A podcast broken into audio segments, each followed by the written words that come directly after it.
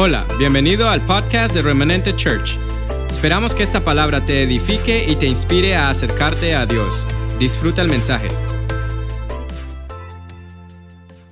Oramos, Padre, en el nombre de Jesús, te damos gracias, Señor, porque tu presencia es viva, porque tu presencia es real, porque tu palabra es verdad, Señor.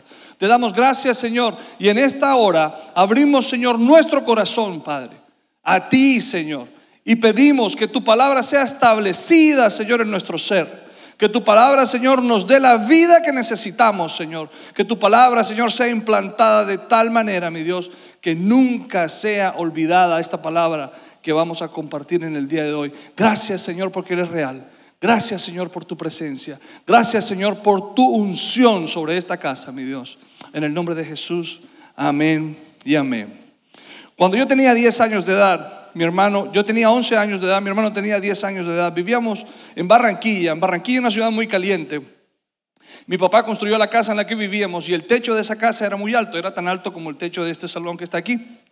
Y lo hacían de esa manera para que el calor no nos golpeara tanto.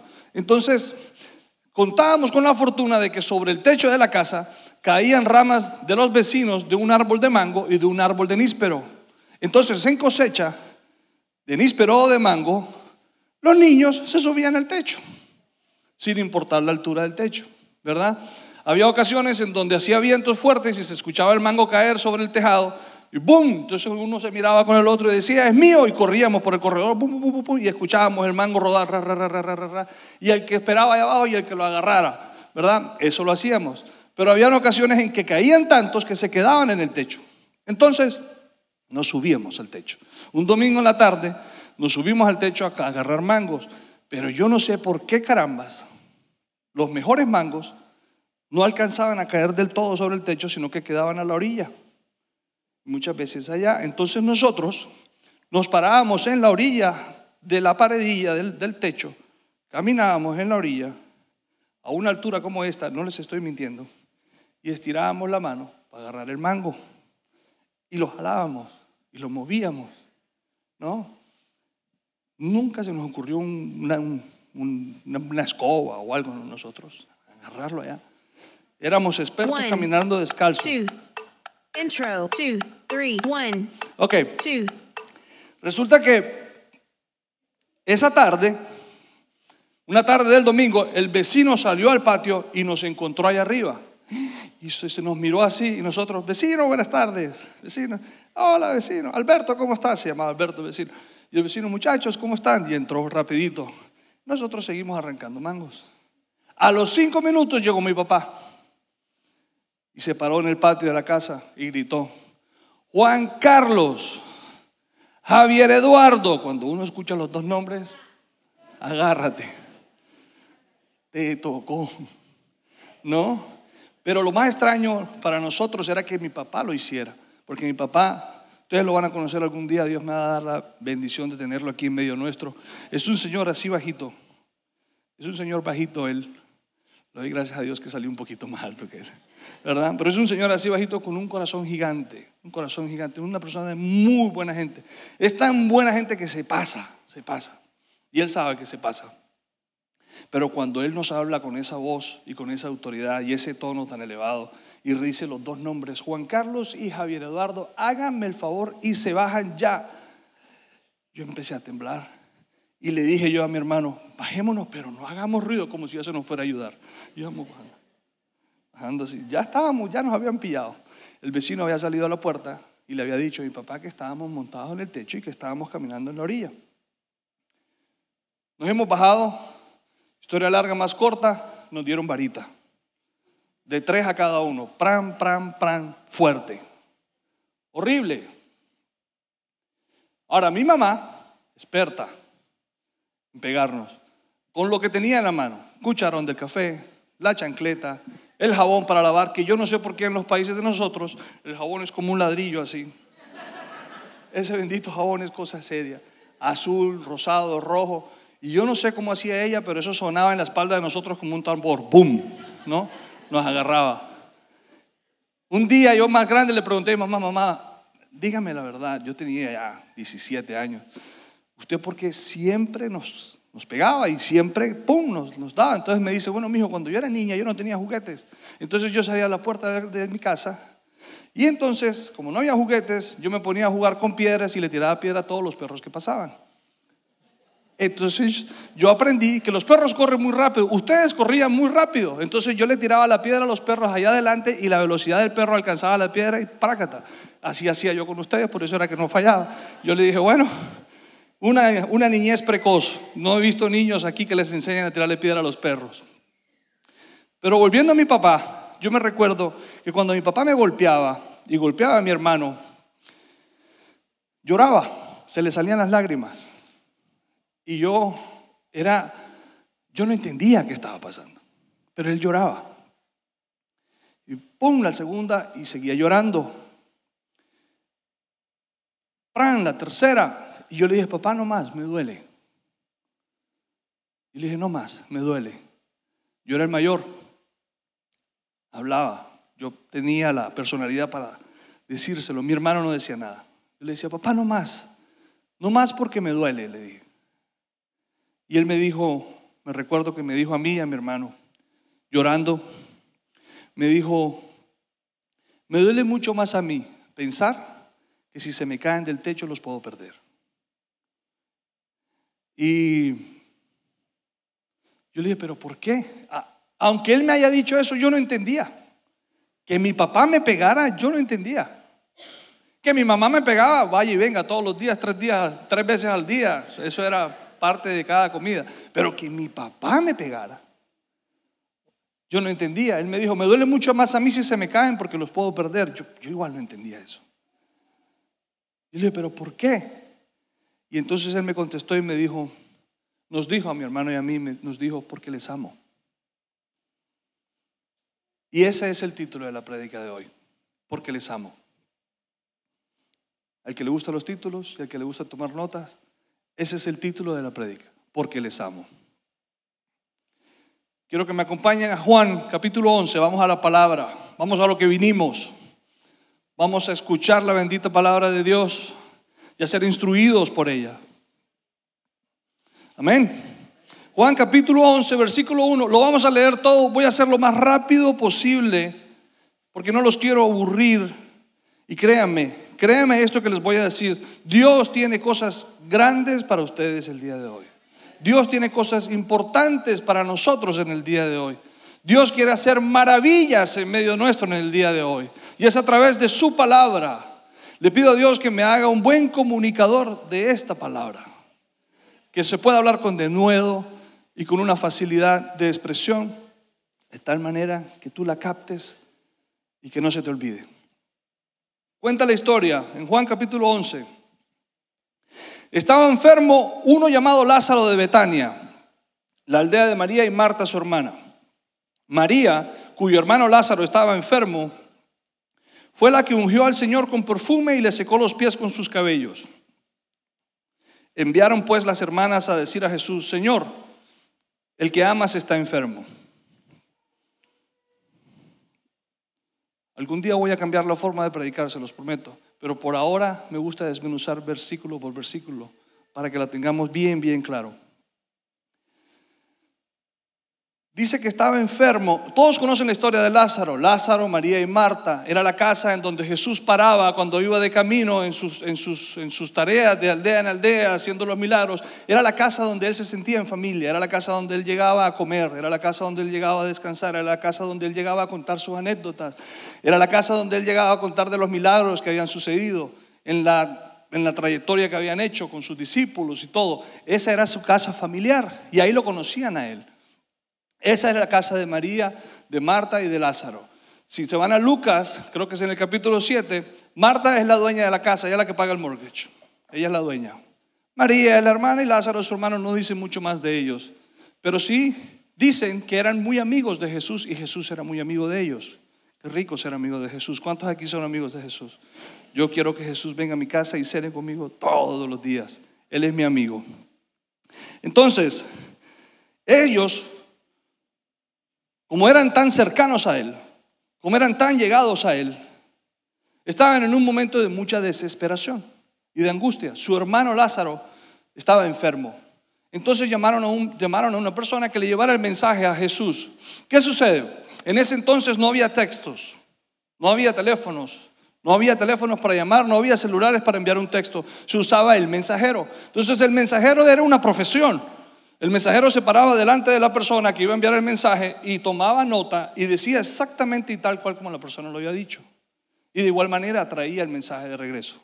Entonces el mensajero escucha lo que la, hermana le dice y el mensajero llega, llega donde el Señor y le dice, Señor, el que amas está enfermo. Él no le dice, Señor, Lázaro, ¿te acuerdas de Lázaro? Bueno, él está enfermo. No, el mensaje es, el que amas está enfermo.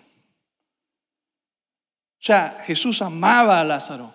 Ellos le demostraban a Jesús, ellas le demostraban a Jesús en ese mensaje el desespero tan grande en el que estaban. Y querían hacerle ver que aquel persona que él amaba tanto estaba enfermo y que necesitaba de su ayuda. Ahora en el verso 2 dice, María cuyo hermano Lázaro estaba enfermo, fue la que ungió al Señor con perfume y le secó los pies con sus cabellos. Eso está entre paréntesis. Se preguntan por qué está entre paréntesis, les voy a explicar. El libro de Juan relata siete milagros del Señor específicamente. Y hay un propósito, hay un propósito por el cual Juan lo hace de esa manera. Dice, por estas se han escrito para que creáis que Jesús es el Cristo, el Hijo de Dios, y para que creyendo tengas vida en su nombre. En el capítulo 12, ahorita estamos leyendo el 11, en el capítulo 12 se explica, explica quién es María. Y, es donde sucede que ella llega y le unge los pies al maestro. Pero eso sucede en el capítulo 12. Pero él lo pone en el capítulo 11. Hay personas aquí, óigame bien, hay personas aquí que en este capítulo de hoy de sus vidas les está sucediendo cosas donde están desesperados, angustiados, molestos, incómodos, confundidos y son amigos de Jesús y no entienden por qué está pasando. ¿Por qué traigo esto? Porque en el siguiente capítulo de tu vida, en el capítulo 12, entonces vas a entender por qué estás viviendo lo que estás viviendo en el capítulo 11. En el capítulo 12 todo va a tener sentido. En el capítulo 12 de mi vida, yo entiendo que caminando a esa altura por la orilla de la pared, yo me pude haber matado. Y entonces entendí por qué mi papá me corrigió. Y entendí cuando me dijo que era porque me amaba. No sé qué estás viviendo. Puede ser tristeza profunda, puede ser dolor, puede ser engaño, puede ser decepción, puede ser desánimo. Pero no te rindas porque tu historia no ha terminado.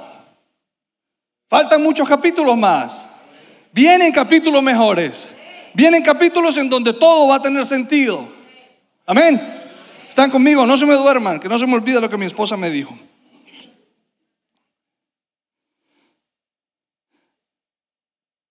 El Señor quiere que tú y yo nos podamos ver, que tengamos la visión de poder ver, que tenemos la capacidad de poder adorarlo ahora, aquí en el capítulo 11, a pesar de lo que estamos viviendo.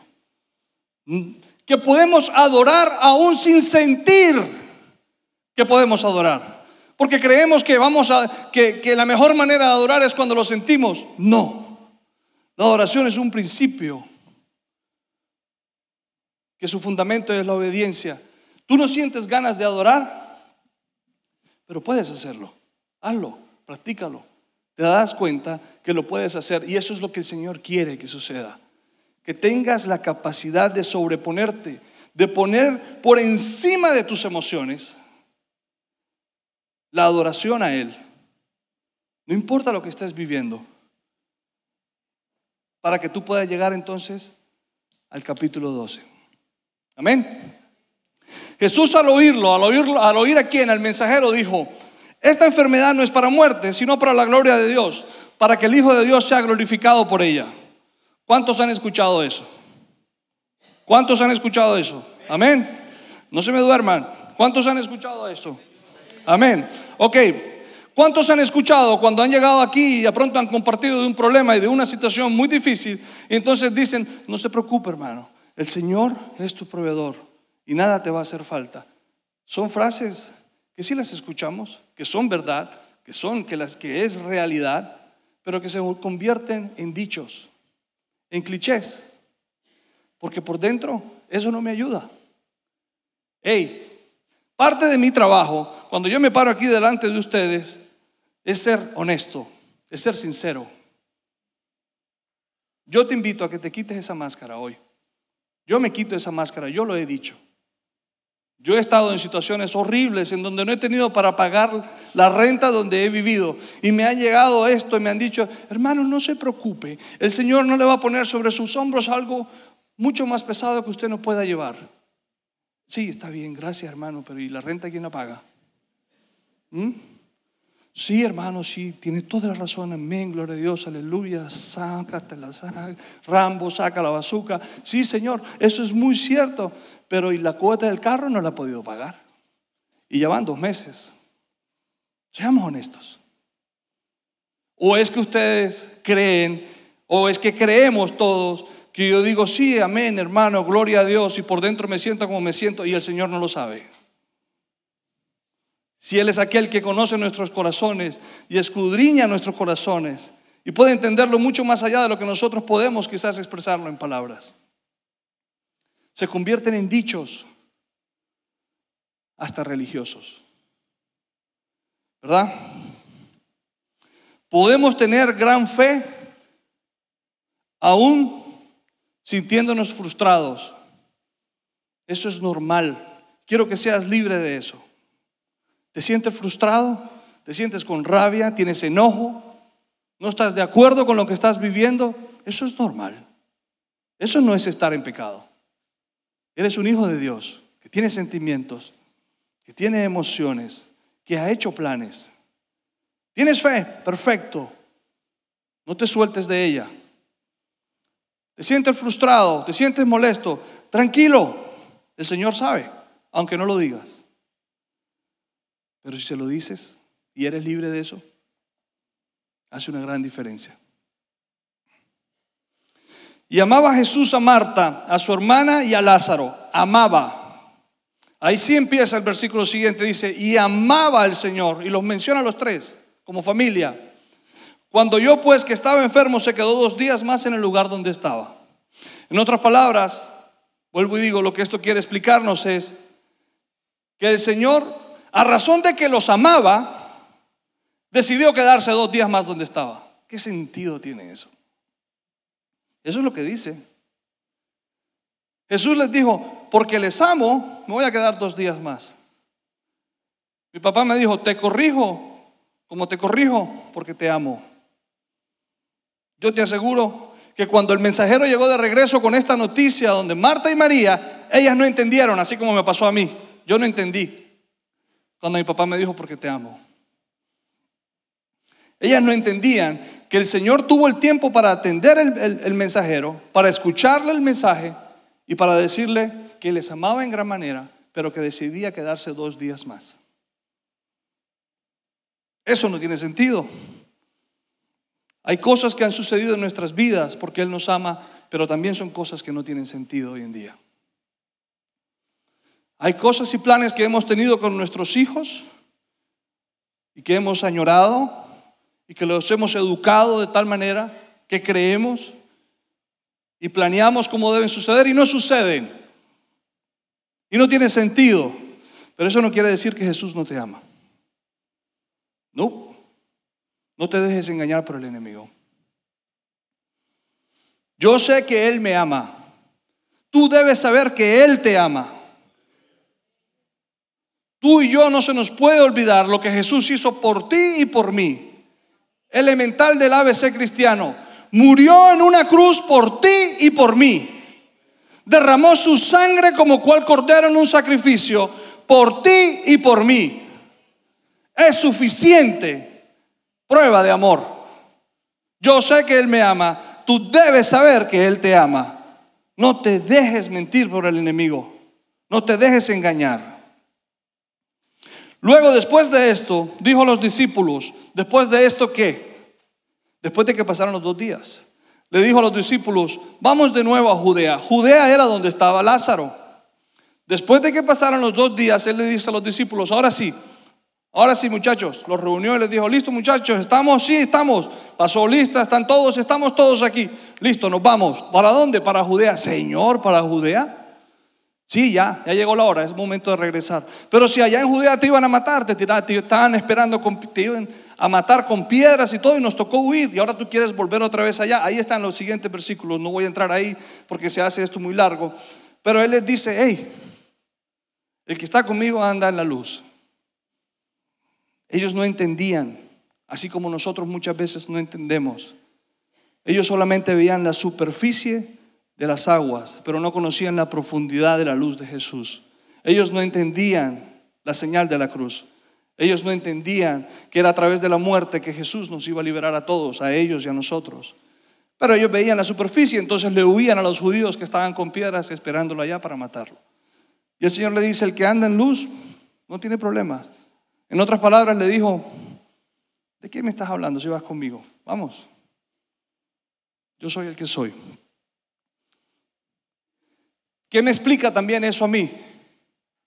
Que cuando Él los reúne y les dice, devolvámonos para Judea, Él les está dejando saber a ellos que Él tiene un plan. Jesús tiene un plan para tu vida y para mi vida. Jesús tiene un plan para tu vida y para mi vida. ¿Se ha demorado? Sí, se ha demorado. ¿De pronto ha llegado tarde? Sí, ha llegado tarde. No, el Señor nunca llega tarde. Aquí dice que llegó tarde. Yo no me lo estoy inventando. Tarde con un propósito. Tarde intencionalmente, pero sí llegó tarde. No nos podemos engañar. No ha llegado todavía en alguno de nosotros, en alguna de nuestras de, las vidas que están aquí, en nuestras historias, en algunas áreas de nuestra vida, aún no ha llegado y lo seguimos esperando. Sí, aún no ha llegado. Pero eso no quiere decir que no haya un plan. Hay un plan, hay un propósito. Y quiero decirte, no hay plan B, solamente hay plan A. Y es el propósito de Dios sobre tu vida. No hay plan B. No te dejes engañar por lo que dicen allá afuera. Hermano, hay que estar preparado porque viene el coronavirus y hay que tener plan B, plan C, plan D. Yo compré atún, yo compré agua, yo compré... Está bien, prepárate, no hay problema. Listo. Estás preparado para cualquier cosa. Pero que no sea basado en el fundamento del temor, como decía el pastor Alberto. Porque entonces, ¿en quién hemos creído? Hemos creído en el Dios que es luz, en el Dios que lo puede todo, en el Dios de lo imposible, en el Dios que lo único que quiere es que tu corazón se alinee con su propósito para que entonces el plan A se cumpla, el único, el plan de Él. Ese es el plan que el Señor tiene. Oh, pero es que a mí me han pasado cosas que yo no creo que hubiesen estado en el plan de Dios. Sí, es cierto, a mí también me han pasado. A todos nos han pasado cosas que si miramos y preguntamos a Dios seguramente no están dentro del plan de Dios. Pero ¿qué hemos hecho nosotros? ¿Qué nos ha estado enseñando el Señor a través de ellas? Hay un plan y hay un propósito de Dios que se quiere cumplir sobre nosotros. Y está en nosotros poder alinearnos. Lo más pronto posible, mejor. Porque ahí hemos de ver su gloria. En el verso 17 dice, llegó pues Jesús y halló que hacía cuatro días que Lázaro estaba en el sepulcro, en la tumba, enterrado, muerto, cuatro días ya. Eso me enseña a mí que si, fue un, que si fue un día de camino o algo así, cuatro días en el sepulcro, o digamos murió hoy, pero ya tenía cuatro días en el sepulcro, ya llevaba más o menos cinco días de estar muerto. Jesús llegó tarde, pero llegó tarde intencionalmente porque era necesario que sucediera, sucediera de esa forma, para que podamos ver su gloria en una forma que aún no la hemos visto. Créeme algo que te quiero decir, todavía no hemos visto todo lo que el Señor tiene para nosotros. Todavía no hemos visto todo lo que el Señor quiere hacer en nuestras vidas. Todavía no hemos visto la total y completa manifestación de su gloria en nuestras vidas. Hay muchas cosas más por vivir. Hay muchas cosas más que vienen para nosotros. Hay muchas cosas más que se van a desarrollar dentro de ti. Hay cosas, hay planes y proyectos de Dios en tu vida que están ahí guardados que tú no sabes todavía que están ahí. Y el Señor quiere, Él quiere desarrollarlos. ¿Por qué cuatro días después? Porque en el primer siglo los judíos creían todavía y, tenían, y eran supersticiosos. Y tenían una creencia de que entre dos y tres días o cuatro días, algo así, eh, eh, eh, el espíritu de aquella persona que había muerto tenía la capacidad de regresar. Entonces la persona podía seguir viviendo. Entonces el Señor esperó cuatro días para que no hubiera excusa, para que no dijeran los judíos, oh, claro, se cumplió esto que... No, Cuatro días esperó. Me pregunto yo si el Señor está esperando que las expectativas o los planes nuestros que teníamos dentro del tiempo que marcamos, está esperando que se venzan esos plazos para entonces Él dejarse ver con su gloria. ¿Será que Dios está esperando que pase más de cuatro días en tu vida para llegar y decir, he llegado, aquí estoy, ¿estás listo? ¿Será que el Señor está esperando que nuestros planes se derrumben para que los de Él se levanten? Amén. Betania estaba cerca de Jerusalén, como a 15 estadios, y muchos de los judíos habían venido a Marta y a María para consolarlas por su hermano. 15 estadios es algo como dos millas, hasta lo que he entendido yo. Y dice que muchos de los judíos, ¿por qué habla de judíos? Porque Jerusalén, de ahí estaban los judíos, de ahí provenían los judíos, y los judíos habían llegado a estar con María y con Marta para consolarlas, dice la palabra, para acompañarlas, para estar ahí con ellos. Hay cosas que nosotros hemos vivido en nuestras vidas muy difíciles, muy duras. Hay personas muy cercanas a nosotros que nos han lastimado fuertemente y que han marcado nuestra vida de una manera muy fea. Y aún así, esperamos nosotros que estas personas hagan algo más por nosotros. Los judíos llegaron, estaban ahí presentes y consolaban a las hermanas, pero no podían hacer más nada. ¿Tu hijo te falló? ¿Tu esposo te falló? ¿Tu esposa te falló? ¿Tu jefe te decepcionó? Ya te buscaron, hablaron contigo, se pusieron a cuentas contigo, te pidieron perdón, pidieron perdón a Dios. Ejercieron el proceso de la restauración, pero aún tú sigues molesto, tú sigues molesta. Y te sientes que hay algo más que ellos deben hacer. Porque yo todavía me siento mal por lo que me hizo. A mí no se me olvida porque aquí lo tengo, todavía me incomoda. Y esta persona viene y está al lado tuyo y te quiere ayudar y quiere levantarte y quiere hacerlo todo lo posible porque estés mejor, pero no puede. Porque el único que puede verdaderamente sanar eso en tu vida es Jesús. Solamente Dios.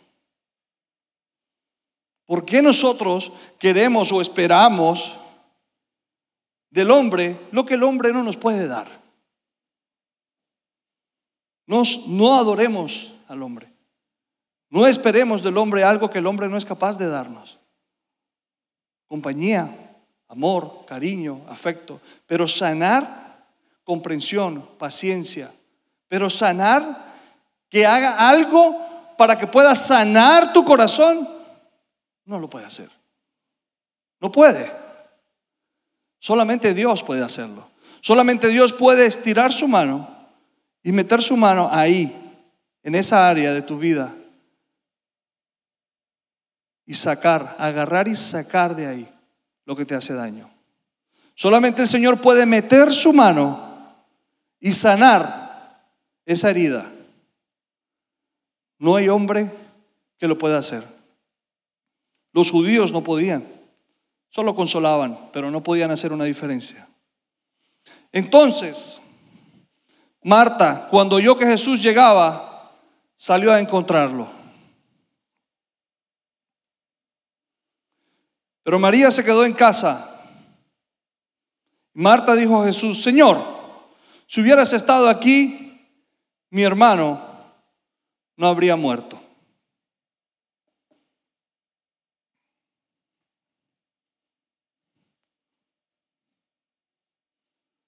Señor, si hubieras estado aquí, mi hermano no habría muerto.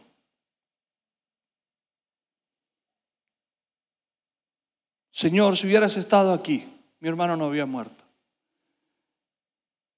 La primera parte dice que Marta salió a encontrarse con Jesús, salió al encuentro de él y María se quedó. Hay personas que tienen la capacidad de ir y confrontar, hay personas que no pueden hacerlo, se quedan encerradas. Y eso tenemos que entenderlo, eso tenemos que respetarlo. Porque tú tengas la capacidad de ir a enfrentar algo no quiere decir que tu hermano también deba hacerlo. Hay que entender y respetar que ellos no pueden, porque no es su forma.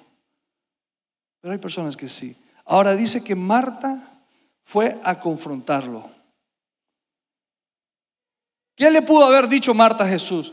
Oh, bonitas horas de llegar Jesús. ¿Ah? Cuando yo hacía carnita asada y chimichurri, ahí eras el primero aquí en llegar. A tiempo llegabas. Oh, cuando yo le avisaba al mensajero que iba a tener pupusas revueltas, primerito en llegar. Y con el plato en la mano y el tenedor en la otra. ¿Verdad? No, perdón, las pupusas no se comen con tenedor, ¿verdad, hermano René? Los colombianos sí comemos pupusas con tenedor, sí. Amén. Sí, es verdad. Gracias. Se comen con la mano. El que quiera comer una pupusa y disfrutarla, se come con la mano. Bueno, eso es lo que dicen. Eso es lo que dicen.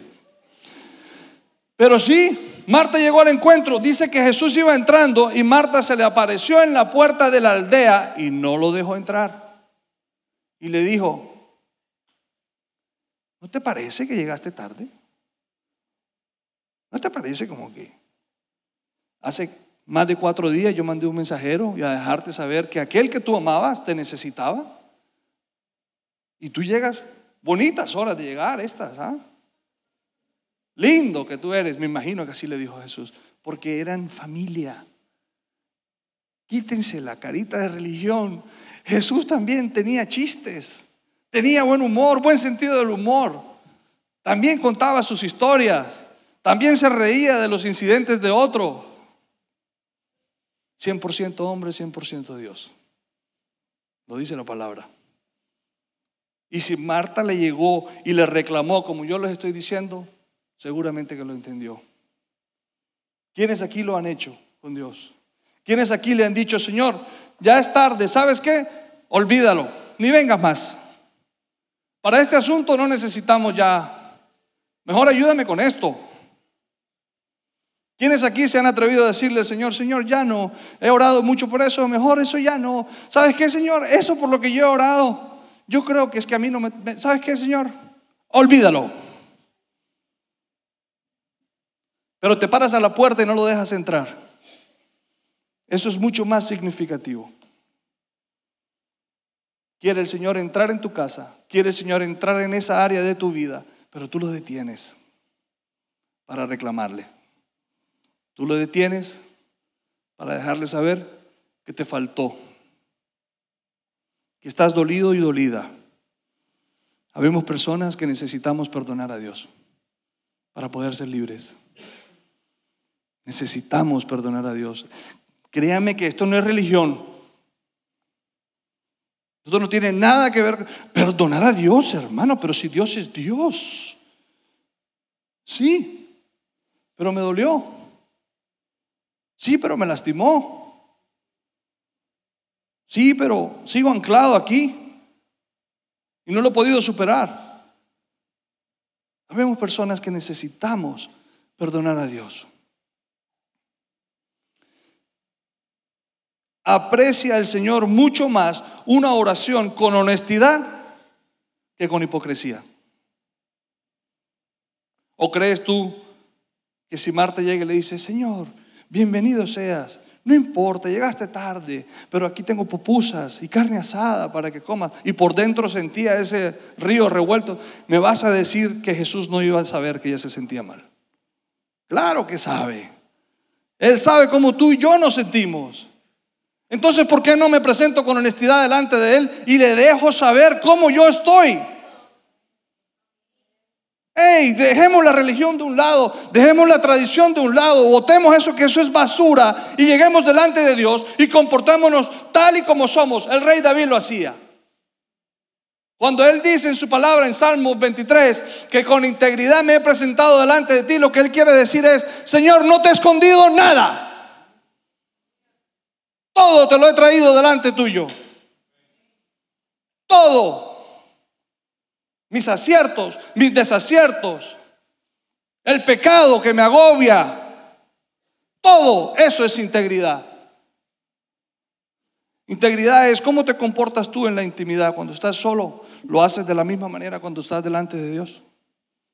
Eso es integridad. Y el Señor prefiere una oración honesta, una oración de reclamo. Llegaste tarde, Señor. Él prefiere eso. Porque en el momento en el que tú lo hablas, en el momento en el que tú lo dices, en el momento en el que tú lo confiesas, estás siendo libre.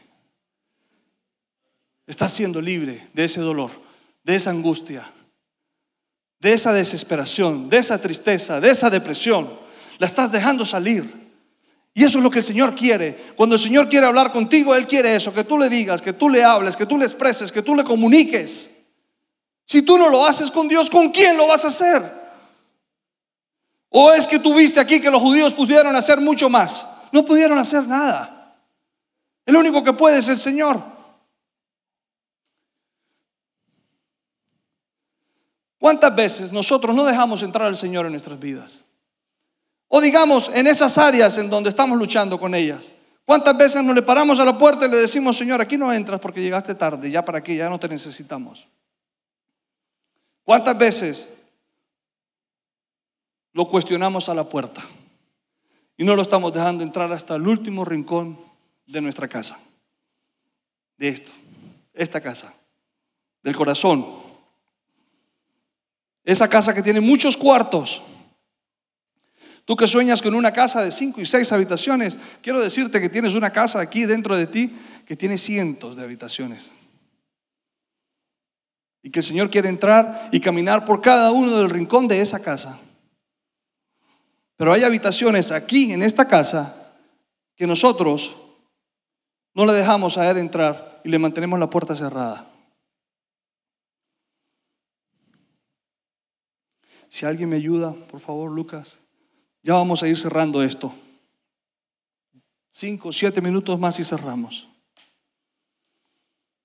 Jesús le dijo a Marta, tu hermano resucitará. Después de que la escuchó, que ella se desahogó y que ella peleó con él y le pataleó y le lloró en la puerta, él le dijo, él le dijo, tu hermano resucitará. Marta le dijo, yo sé Señor que resucitará en la resurrección, en el día final. Jesús le dijo, yo soy la resurrección. Y ella le hablaba del día final. Sí, Señor, yo sé que Él va a resucitar en el día final, en el día de la resurrección. Y Jesús le dice, yo soy la resurrección, Marta. Yo soy la resurrección, Beatriz.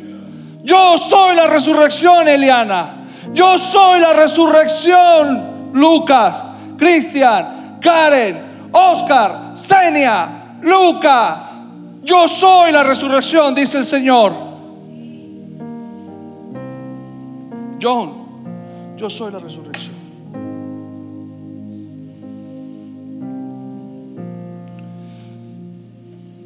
Y la vida y el que cree en mí, aunque esté muerto, vivirá. Y todo aquel que vive y cree en mí no morirá eternamente. ¿Crees esto, Marta? ¿Crees esto, Oscar? ¿Crees esto, Juan Carlos? ¿Crees esto, Noé? ¿Crees esto, Ronald?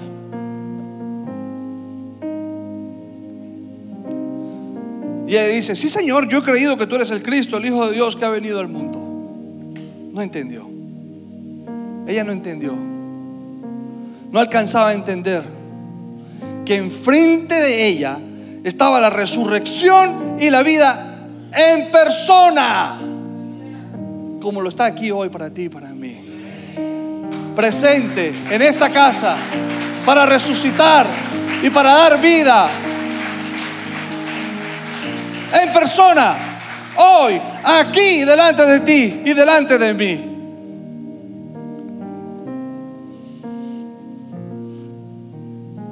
Ella hablaba y entendía quién era Jesús.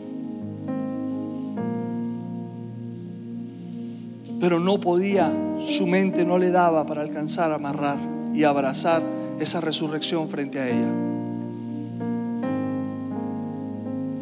Porque el Señor como resurrección y vida aquí presente en el día de hoy quiere resucitar esa muerte de autoestima que tuviste.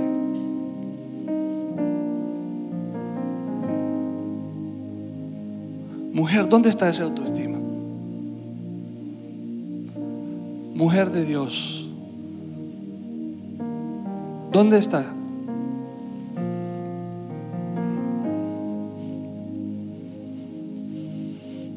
Habiendo dicho esto, Marta fue y llamó a María su hermana diciéndole en secreto, se acercó al oído y le dijo, el maestro está aquí y te llama. Ella cuando lo oyó se levantó de prisa y fue a él. Ella se levantó y corrió a donde estaba el maestro.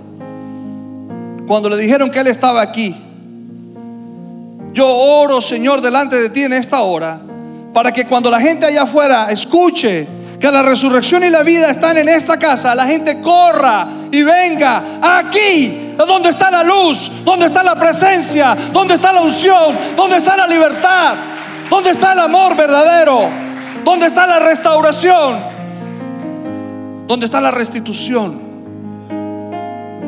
Aquí, que corran y que vengan aquí a esta casa. Deprisa. Y fue a él. Y Jesús todavía entrando a la, estaba, no había entrado a la aldea, sino que estaba en el lugar donde Marta lo había encontrado, Señor y caballero. Cuando Marta lo dejó en la puerta y fue a avisarle a su hermana, él se quedó en la puerta esperando. Él sigue esperando a la puerta de tu corazón. Sigue esperando que tú llegues a encontrarlo y que lo dejes entrar. Él le preguntó a Marta, ¿crees esto? Y Marta le dijo, sí Señor, yo creo. Pero ¿qué le preguntó a María? Él le preguntó a María, al verla llorando, y los judíos que estaban con ella, que lloraban juntamente con ella, dice la palabra que Jesús se estremeció.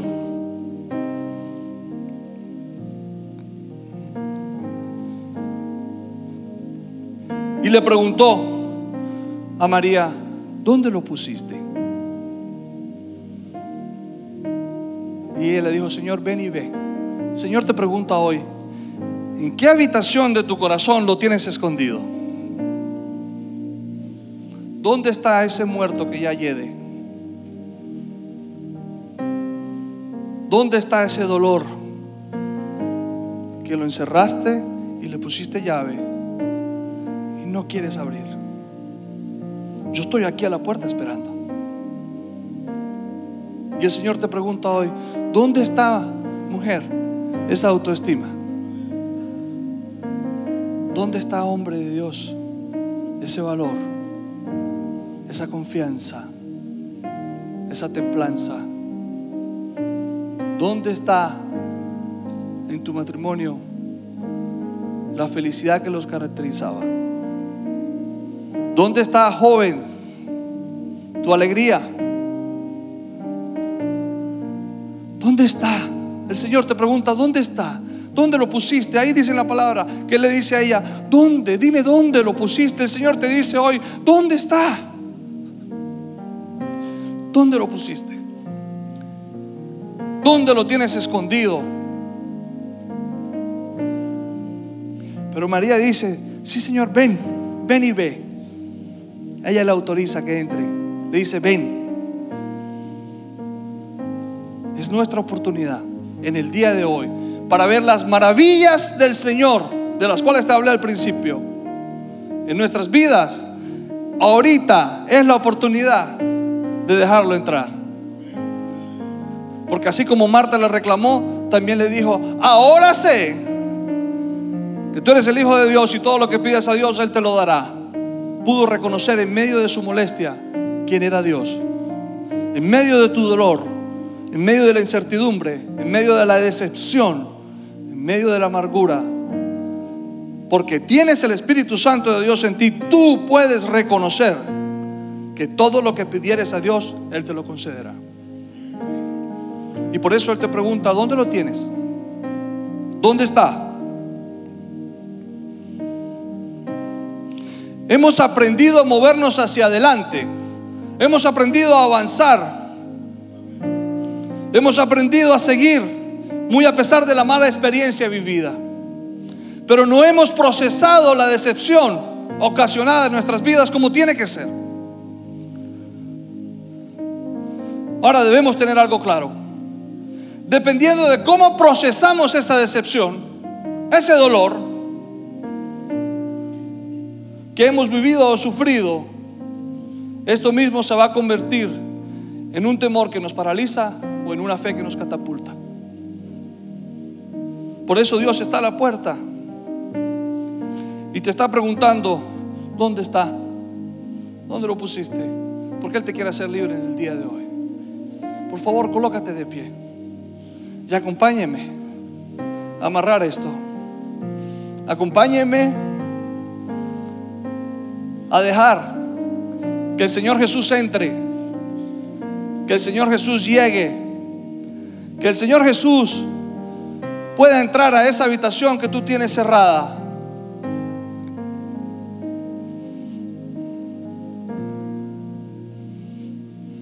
Señor te dice, llévame a ese lugar donde perdiste el optimismo.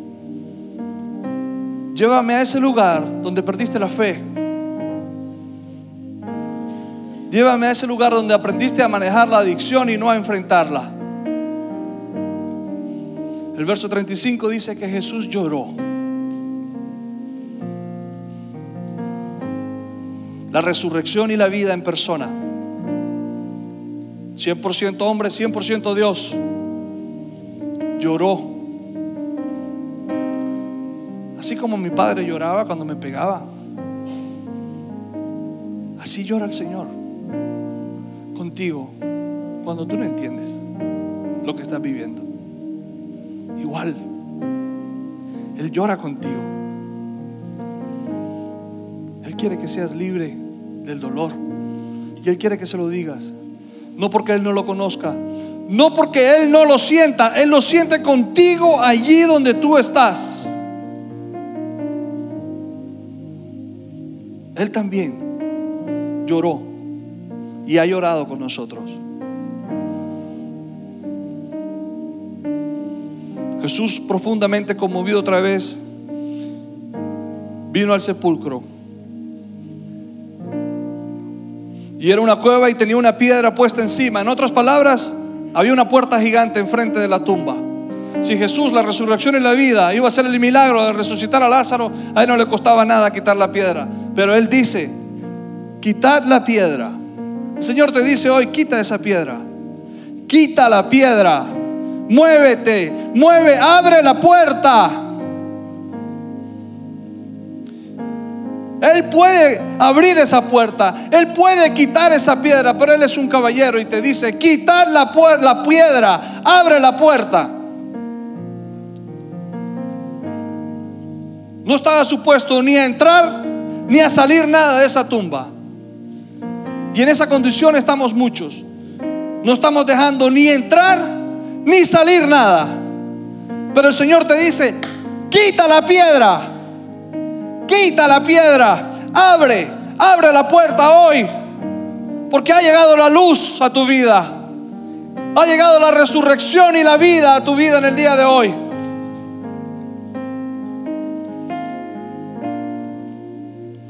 Pero Jesús, Jesús, pero Marta, perdón, la hermana del que había muerto, le dijo, Señor, hiede ya, huele feo, tiene vergüenza, tiene pena. Tiene pena. Nosotros tenemos vergüenza con el Señor en ciertas áreas. Y le decimos al Señor, Señor, no, no, está bien. ¿Sabes que Yo estoy bien, deja eso así. Además huele feo. Señor, deja eso así, porque igual, igual yo estoy bien, Señor. No necesito que entres ahí. Señor, olvídalo. ¿Sabes qué, Señor? Olvídalo, yo estoy bien, ya yo estoy bien, yo no tengo nada, yo estoy bien. Y el Señor te dice, y el Señor te dice, no te he dicho que si crees verás la gloria de Dios. ¿De qué tienes miedo? ¿De qué tienes pena? ¿De qué te escondes? ¿Qué crees que puedes esconder de mí? Te dice el Señor. Entonces quitaron la piedra de donde había sido puesto el muerto. Y Jesús, alzando los ojos a lo alto, dijo, Padre, te doy gracias por haberme oído. Padre, te doy gracias, Señor, por haberme oído en este día. Padre, te doy gracias, Señor, porque tu presencia es real, porque tu presencia es latente, porque tu presencia es eficaz, porque tu presencia es como ninguna, Señor. Te doy gracias por haberme oído en el día de hoy, Señor. Te doy gracias por haber oído la vida de mis hermanos. Te doy gracias, Señor, por haber oído su oración. Te doy gracias, Señor, por haber oído y haber entrado, Señor.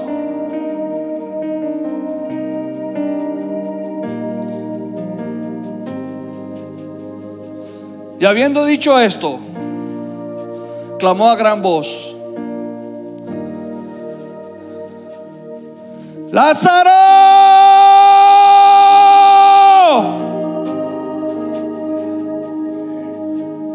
Lázaro.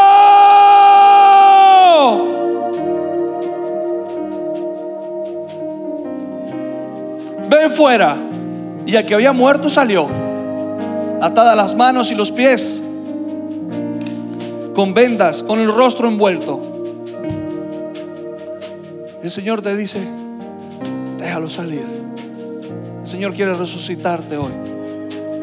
El Señor quiere sanar hoy.